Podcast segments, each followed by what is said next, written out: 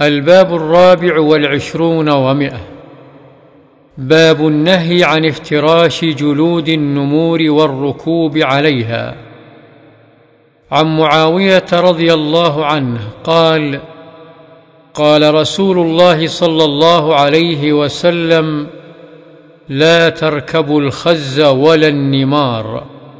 حديث حسن رواه أبو داود وغيره بإسناد حسن.